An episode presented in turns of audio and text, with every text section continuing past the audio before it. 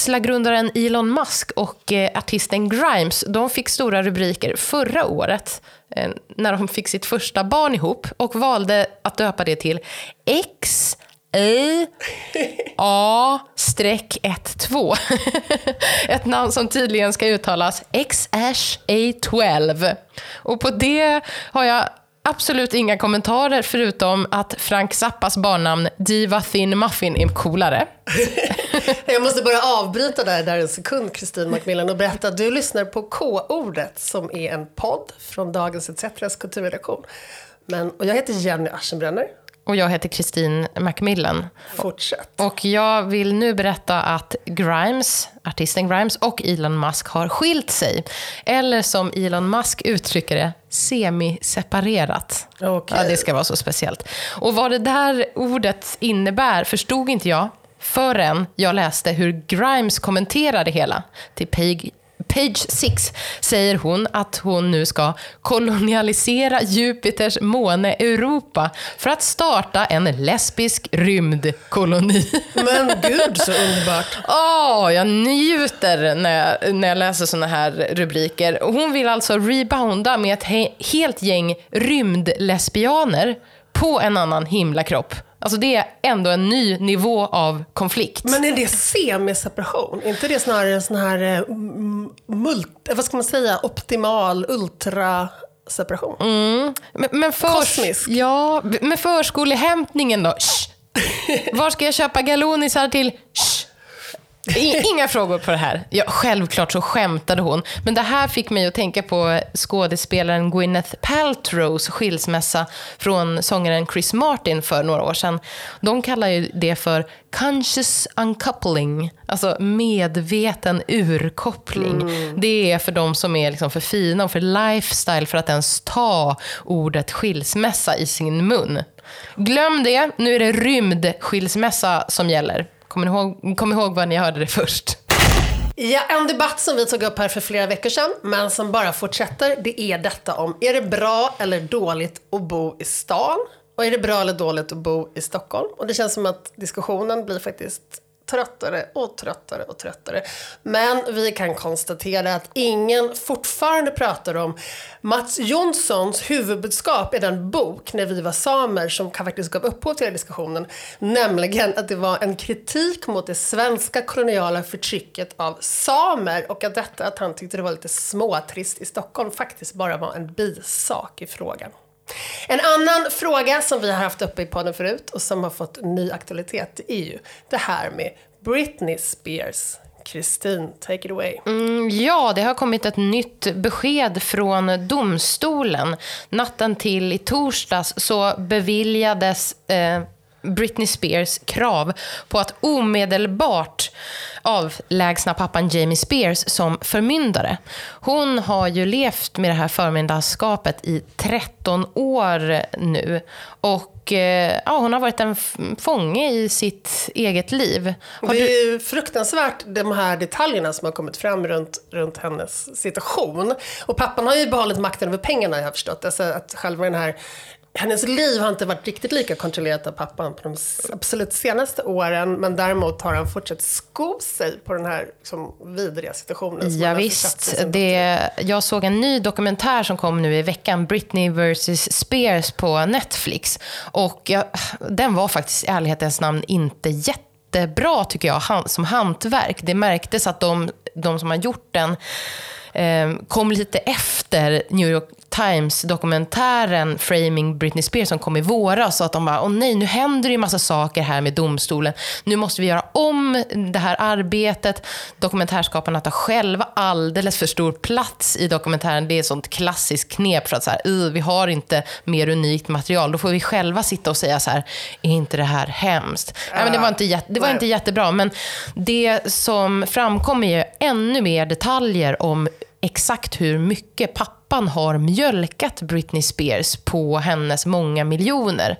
Han har till exempel själv fått 12 000 dollar i månaden Oj, från hennes estate och hon har fått 6 000. Alltså det, det är sådana där detaljer. Och han har varit den som har anlitat advokaterna som ska försvara henne mot honom. Det är bara ett bisarrt system av alltså social kontroll. Men också så sorgligt hur ensam hon har varit.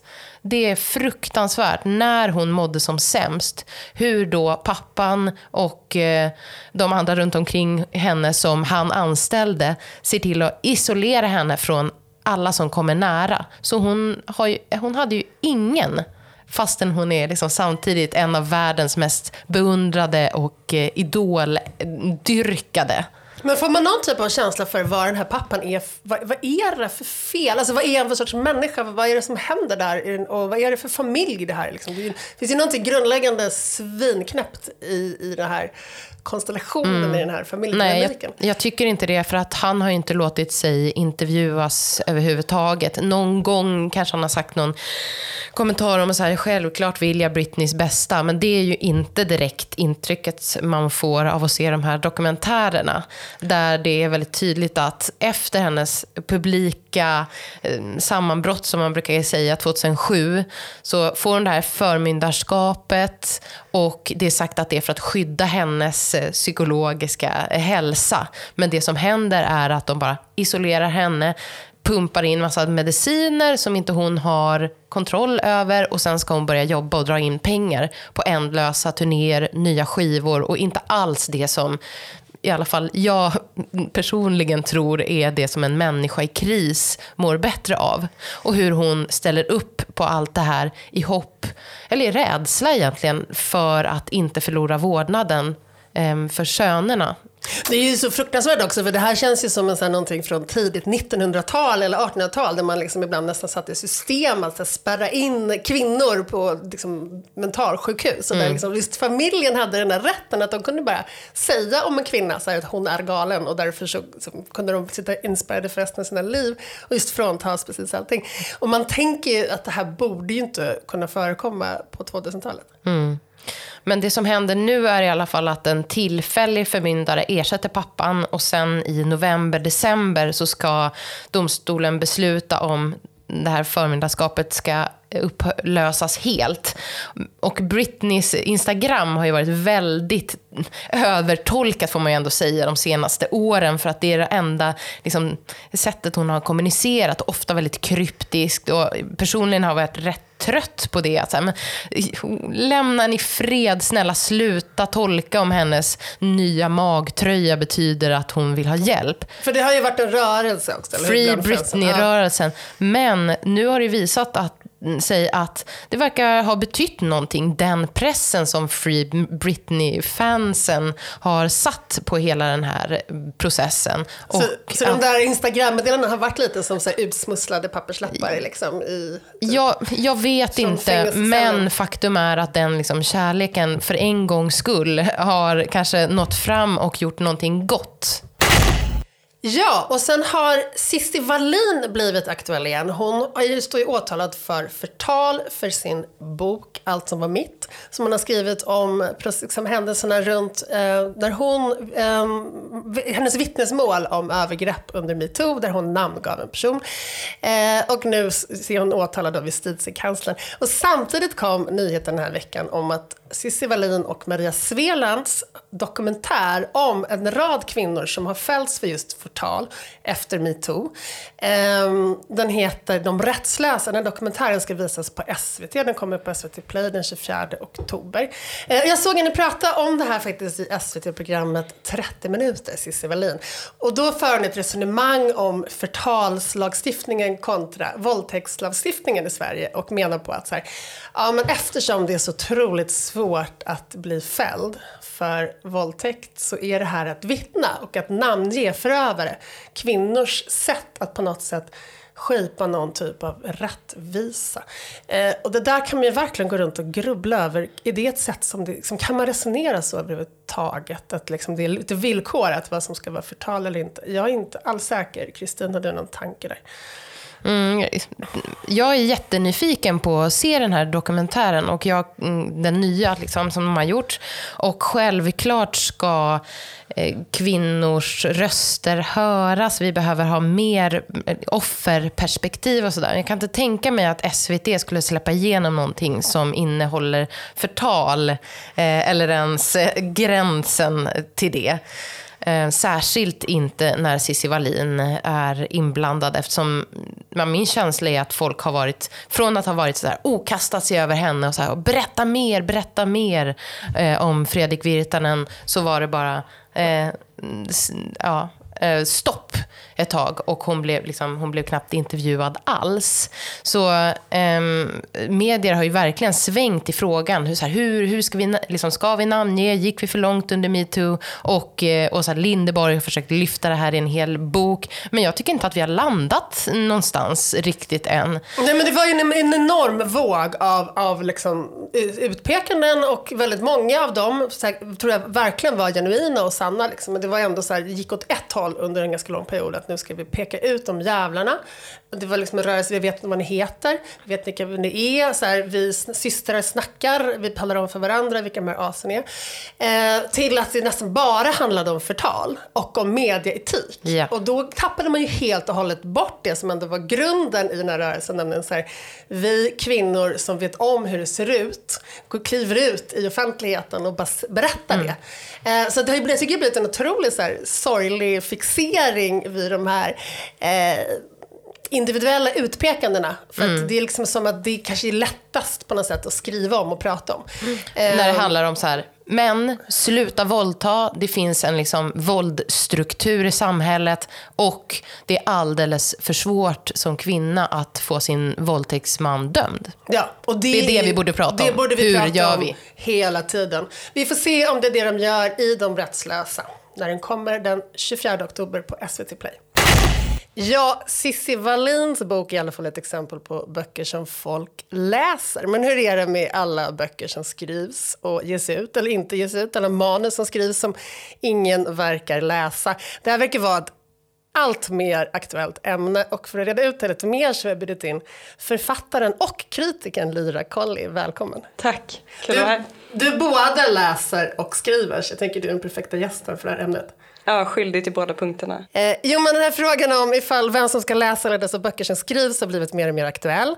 Eh, nu förra veckan så var det en stor diskussion om en recensionsportalen, som det heter, som är då en tjänst, delvis handlar det om att samla ihop recensioner som redan har skrivits, men det är också en tjänst där författare som inte blir recenserade kan beställa en recension. Det kostade 6 950 kronor. Har ni följt den här diskussionen, Lyra? Ja, absolut. Vad tänker du? Oj, uh, jag tänker en massa olika saker. Bland annat uh, har jag fastnat på ordet demokratisering. Okay. Uh, som tydligen fungerar att använda som slagträ för de här. Liksom, i, inom akademin så kallar man dem för predatory publishers. Det är när man får en förfrågan på mail. typ så här, ah, men vi har märkt att du skriver om de här och de här sakerna. Vill du skriva en bok till oss? Och så läser man the fine print där det står du får betala så här och så här mycket. Liksom. Och att man i, i kulturella sammanhang lyckas presentera det här som en demokratiseringsinsats, det är ju ett symptom på liksom hur diskursen kring konstnärligt värde har förändrats. Att man idag har svårt att, alltså det finns en sån massiv kritik mot genikulten, Uh, det finns en liksom, ovillighet att prata om konstnärligt värde som om det skulle vara någonting objektivt. Liksom. Så istället pratar man om konstnärligt värde som en fråga om kulturell representation. Mm. Alla ska få vara med. Alla ja, kan ja. skriva. Nej, tillåt mig att protestera. Alla kan inte det. Alla har liksom inte en bra bok i sig. Eller? Ja, men jag tänkte att vi ska borra mer i det här, men andra aspekter av den här alla skriver, ingen läser är ju dels den här pandemieffekten som förlagen pratar om. Alltså jag, läste, jag hörde nu häromdagen bara 20-50% fler manus kommer in till förlagen. Och då kom det redan väldigt, väldigt många. Det kommer ju fler och fler och fler. Pandemieffekten är ju att folk har suttit hemma nu och skrivit och knattrat liksom hemma på sin kammare. Har de inte läst böcker också, eller? jo, men alltså även bokförsäljningen har ökat faktiskt. Ja, inte okay. alls lika mycket dock. Det ska vi komma tillbaka till. En annan aspekt effekt av den här då, kanske alla skriver, ingen läser, har ju tagits upp i veckan efter Bokmässan. För det var ju Bokmässan nu i Göteborg, jag var där. Alla har redan vittnat om att det var otroligt bisarr tillställning, för det var enorma mässhallar som var helt tomma. Enorma studios med gigantiska scener som om det skulle vara så här, ske arenarock där. Men så satt vi tre personer i mitten lite ödsligt och försökte så här, diskutera litteratur. Eh, faktum är att samtalen var otroligt roliga för att alla var väldigt, väldigt sugna på att prata om litteratur för att ingen har ju gjort det på det Ingen sättet. har träffat en kollega på två år. Liksom. Nej, eller hur? Så att liksom peppen, energin och på något sätt också ärligheten och entusiasmen var större än någonsin. Ingen var uttjatad i huvudet över sina egna verk. Men frågan var då, vem lyssnar? Ehm, så det, vi återkommer väl kanske till det här frågan, återigen, liksom så här, det skrivs alla dessa böcker men ingen läser dem. Ehm, är det så, vad skulle du säga Lyra, Colly, att folk hellre, som att, att viljan att uttrycka sig är större än viljan att ta till sig? Jo men absolut, jag har vänner som undervisat på skrivarskolor till och med som säger att det, de som pluggar där, de, de läser nästan ingenting själva längre. Utan de är bara intresserade av att skriva själva. Och då kan man fråga sig, vad är det människor drömmer om när de drömmer att bli författare? För det är ju inte riktigt ett liv i litteraturen. Eftersom de inte läser. Liksom. Utan det är ju någon slags dröm om sig själv i en ny förpackning. Som ett förverkligat liberalkapitalistiskt subjekt eller. Mm, ja, det är coolt att vara författare, alltså förenklat då. Att kunna säga så här, nej men man har väl skrivit en och annan bok, ungefär så. Och det är inte kopplat till det man skriver, utan att man har producerat en bok, alltså en vara. Och att man sen kan förhoppningsvis försörja sig på det, som om någon kan göra det idag Mm. överhuvudtaget. Lycka till. Ja, nej, men du var lite inne på det där demokratiserandet, att egentligen så kanske det är som, ett- ett- alltså att man kan köpa, alltså jag tänker på den här recensionsportalen är ju att köpa sin recension, men sen har det också blivit vanligare med så här förlag där man betalar för att bli utgiven. Och och det är väl inte helt nytt, det har ju funnits ett tag, man kan naturligtvis också bekosta sin egen bok, men det finns också olika system, olika liksom ganska intrikata typ av liksom, kontraktskrivningar kring det där. Um, men är det det liksom, profiterar man på människors så här, drömmar om att uh, uttrycka sig eller drömmar om att verka vara någon annan än vad de är? Vad tänker ni? Alltså, är det, är det liksom cyniskt från förlagens sida eller borde var och en som ger sig in i det här fatta vad som... Nej men alltså marknaden är ju ingen plats för demokrati. Att, att liksom prata om rätten att köpa sig någonting som är liksom en demokratisk lösning överhuvudtaget, är ju, alltså det är ju naturligtvis profithunger som driver dem, men det är ju också så här jättemånga som då har gått på skrivarskolor, har skrivardrömmar och så vidare som liksom fastnar sen i att jobba med att försöka försörja sig på att facilitera andras författardrömmar. Och jag tänker, Så- det, det, det är liksom alla ska säga, opublicerade författare som göder marknaden för andra opublicerade författare. Exakt, det är, ett, det är ett slutet kretslopp. De som liksom skriver recensioner för, vad heter den igen, recensions... Recensionsportalen som faktiskt också lagts ner eftersom de fick vansinnigt mycket skit här nyligen. De har ju misslyckats med att, att ta sig fram som kritiker i andra etablerade kanaler, tänker jag. Så de är ju också människor som har någon slags drömmar om ett liv i litteraturen. Ja, man kan väl aldrig skriva för en, liksom, en etablerad dagstidning igen. Och liksom som en sån köpt kritiker. Om man en gång har jobbat för den där portalen, eller? Så Men jag det funderar också så här, finns det inte andra typer av att vara, andra former av att vara köpt som kritiker som man skulle kunna prata om? Alltså så här, vänskapskorruption, nepotism, DN-journalister som hyllar andra DN-journalisters böcker och så vidare. Ja, men alltså det, det där är ju en flytande gräns mellan det Ja. ena och det andra. Så det är självklart. Och jag menar inte minst det här som jag snackat en del om, till exempel eh, kring den här Johanna Hedman-trion, en bok som blev väldigt kommersiellt fram, liksom pushad, blir också oerhört recenserad. Sen fick den ka- ganska, extra mycket skit på grund av att den var så frampushad. Men det är ju ändå så att om någonting uppmärksammas väldigt mycket kommersiellt så krävs det av kritiker att de ska förhålla sig till det. Och det är ofta kanske inte ett eget val, alltid vilken bok man skriver om heller. Eh, Och som du säger, vänskapskorruption, det är en väldigt liten bransch. Du är både författare och kritiker. Hur, hur gör du? Ja, det är ju ett demokratiproblem. nej, men, nej, men jag tycker det. Alltså, väldigt många författare i Sverige idag försörjer sig som kritiker. Uh, för att det är bättre betalt per ord helt enkelt. Ganska dramatiskt mycket bättre betalt än, än att skriva skönlitteratur. Eh, och det gör ju att det har uppstått någon slags kultur av inbördes beundran. Liksom. För att hugger man varandra i ryggen då kommer, då kommer man få det tillbaka med råge på recensionsdagen för sin egen bok. Liksom. Tänker du på det att om du skriver taskigt om en svensk författare så kommer den kanske skriva något elakt om dig sen?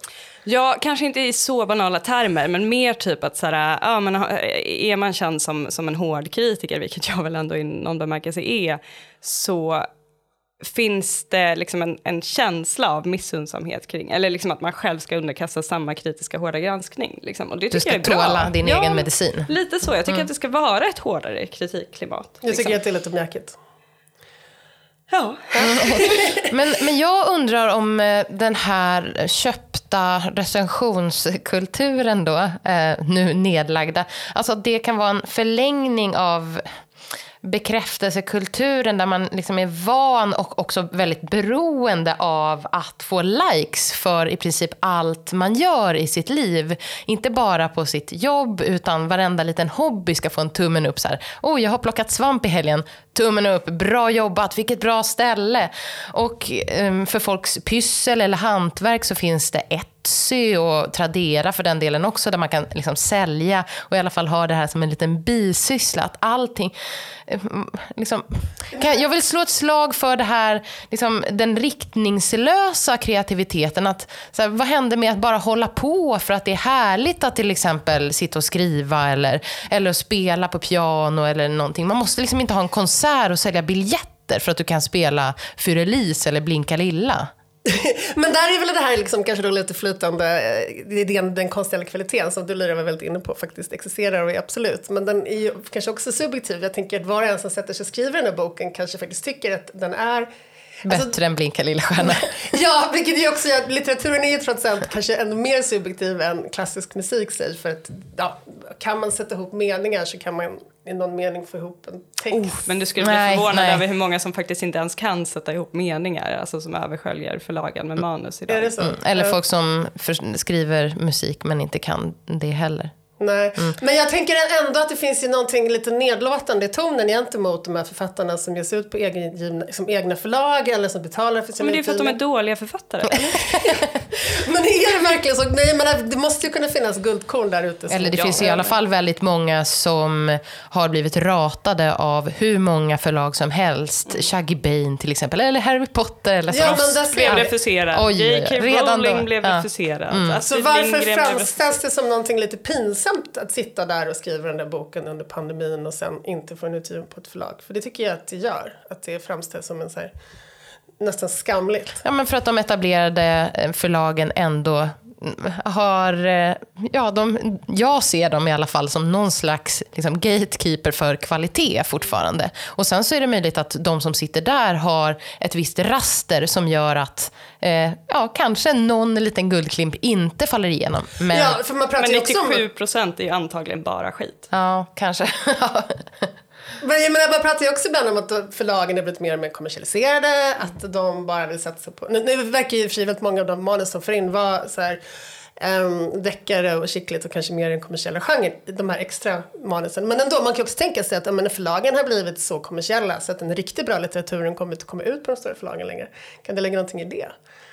Ja, men det hänger väl ihop med att folk inte köper kvalitetslitteratur heller. Liksom att folk faktiskt, att kvalitetslitteraturen inte lyckas intressera den, den bredare lagen av befolkningen. Så man kan ju se det som ett misslyckande och författarnas vägnar också. Ja, för jag tänker att man har äh, alltid håller jag på att säga, men i alla fall så länge jag har varit verksam pratat om poesin som en sån här genre som alla skriver men ingen läser. Har det liksom spritt sig till den kvalitativa prosan också skulle du säga? Eller? Ja, alltså poesin börjar väl mer och mer likna en död konstform.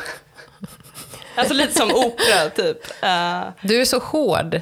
Folk, de flesta kan inte skriva. Kritiker borde... Det jag gillar det, det är roligt. Ja. Säg det alla vill tänka. Ja, ja faktiskt. Ehm, ja, jo men den experimentella prosan har det väl inte heller så jävla fett. Alltså jag menar, jag är inte en storsäljande författare, by no means. Liksom. Men jag tycker ändå att man har ett ansvar som författare att fråga sig så här, hur är det att faktiskt läsa den här boken? Alltså så här, varför intresserar sig ingen för det jag gör? Liksom? Och inte inte bara döma ut så här, alla mellanaktörer och samhället i stort, även om så här, jag är den första att erkänna att det finns problem med samhället i stort. uh, ja, utan också försöka tappa in till så här, vad har vi för relation till språk och text överhuvudtaget idag? Till exempel, det är ju något som har förändrats drastiskt, utan historiskt motstycke, de senaste 10-20 åren. Liksom, idag så har vi ett talspråk som är textbaserat, i och med att vi skriver till varandra hela tiden. Liksom, de här långa textuella liksom, sjoken, de klarar ju folk typ inte av att processa längre. Liksom. Hur kan litteraturen förhålla sig till det? Hur, hur, hur Skriv en den? bok med emojis. Ja, ja men precis. Det, sånt där, sådana experiment gjordes i ett tag och sen kändes det som att, att det, det Man tröttnade tröttnade, på. ja. Men är det, alltså, tänker du att man direkt rent praktiskt ska ta in det här i litteraturen? Den här Ja, men man måste ju åtminstone typ förhålla sig till det och reagera på det. Sen så här menar jag inte att liksom en, en lång romansvit ska vara bara en serie tweets. Liksom. Det tror jag skulle bli fruktansvärt tråkigt att läsa också. Men bara att inte bara reflexmässigt vara så här, jo men all poesi och all smal litteratur som ges ut idag är värd folks uppmärksamhet. Varför får den inte folks uppmärksamhet? Man bara, ja men det kanske inte är det heller. Kan vi bara tänka den tanken också? Ta av dig offerkoftan, den Ja. smala litteraturen. Lite så. Ja. Men jag vill ändå komma tillbaka till den här nedlåtande tonen mot alla stackars kämpande, hemmaskrivande författare. För är det inte så ändå, om man jämför med till exempel musik, som du var inne på Kristin, så får lov, folk får lov att sitta och knoppa ihop en dålig låt och försöka liksom nå ut med den. Och misslyckas, men utan att bli hånade på det här sättet som jag ändå tycker att de här byrålådsskrivarna blir. Finns det någon liksom extra så här elitistisk blick på skrivande? Ja, men vi behöver mer av den elitistiska blicken. Jag tycker att det är så skönt att den knoppar upp nu. Liksom. Nej, men när det har blivit, alltså, det har blivit liksom gängse med kritik mot genikulten, till exempel. Eh, för att man tänker att den är patriarkal. Och därför har så här, random mediokra kvinnor gått runt och kallat varandra för genier. Man bara, vad är det vi uppnår med det? Exakt, jo vi underminerar liksom, betydelsen av konstnärligt värde. Det är klart att det finns politiska problem med liksom, att så här, ja men varför räknades James Baldwin som en minoritetsförfattare och inte som ett geni i så många år? Jo, det var ju liksom ett, ett, någonting som grumlade blicken på det objektiva konstnärliga värdet. Det betyder inte att den blicken i sig är fel, vi behöver bara omdefiniera den. Mm. Och vem, vem vet då vad som har ett eh, objektivt konstnärligt värde? Ja, det gör ju vi som är professionella smakdomare. Men vad säger du Kristin, är det en mer elitistisk syn på, vad ska man säga, amatörers skapande inom litteraturen än inom andra konstformer? Jag vet inte, men däremot så kan man väl säga att det är liksom att ge ut en bok, det är bara att bre ut sig mer på något sätt än det är att lägga upp en liten låt på Soundcloud eller sådär. Det finns liksom digitala strukturer på, ett- på ett helt annat sätt för att så här, titta det här, testa det här. Eh, all, alla är med än vad det gör för en bok som är en fysisk sak som man också gör anspråk på att någon ska gå och köpa och hålla i sin hand. Och sen ägna kanske jättemånga timmar åt att läsa. Exakt det också. Så Mm. det Ta kanske, mer tid i anspråk. På så sätt kanske det är rättvist att Mm. vi, vi kräver lite mer fucking arbete, till exempel hela meningar, eller? Ja, men man kan också fråga sig varför det är så viktigt för dem att göra fysiska böcker. Alltså varför inte bara ladda upp en pdf på någon sida eller liksom läsa in sin egen text eller någonting. För det finns ju alltså, väldigt få som faktiskt köper och läser fysiska böcker idag. Liksom. Det skulle ju vara mycket bättre om, alltså, om de gjorde egna poddar till exempel, skulle det säkert finnas större marknad för. Liksom. Men det är ju, då kommer vi tillbaka till det här, så här, vad är det folk drömmer om när de drömmer att bli författare? Det är ju inte texten i sig som är det viktiga för de flesta, tror jag. Utan att kalla sig författare. Sluta skriva, börja podda. Eller sluta skriva, börja läsa. Ja, det också. Tack så mycket, Lyra Collier. Tack. Och K-ordet var slut för den här veckan, men vi hörs igen nästa fredag.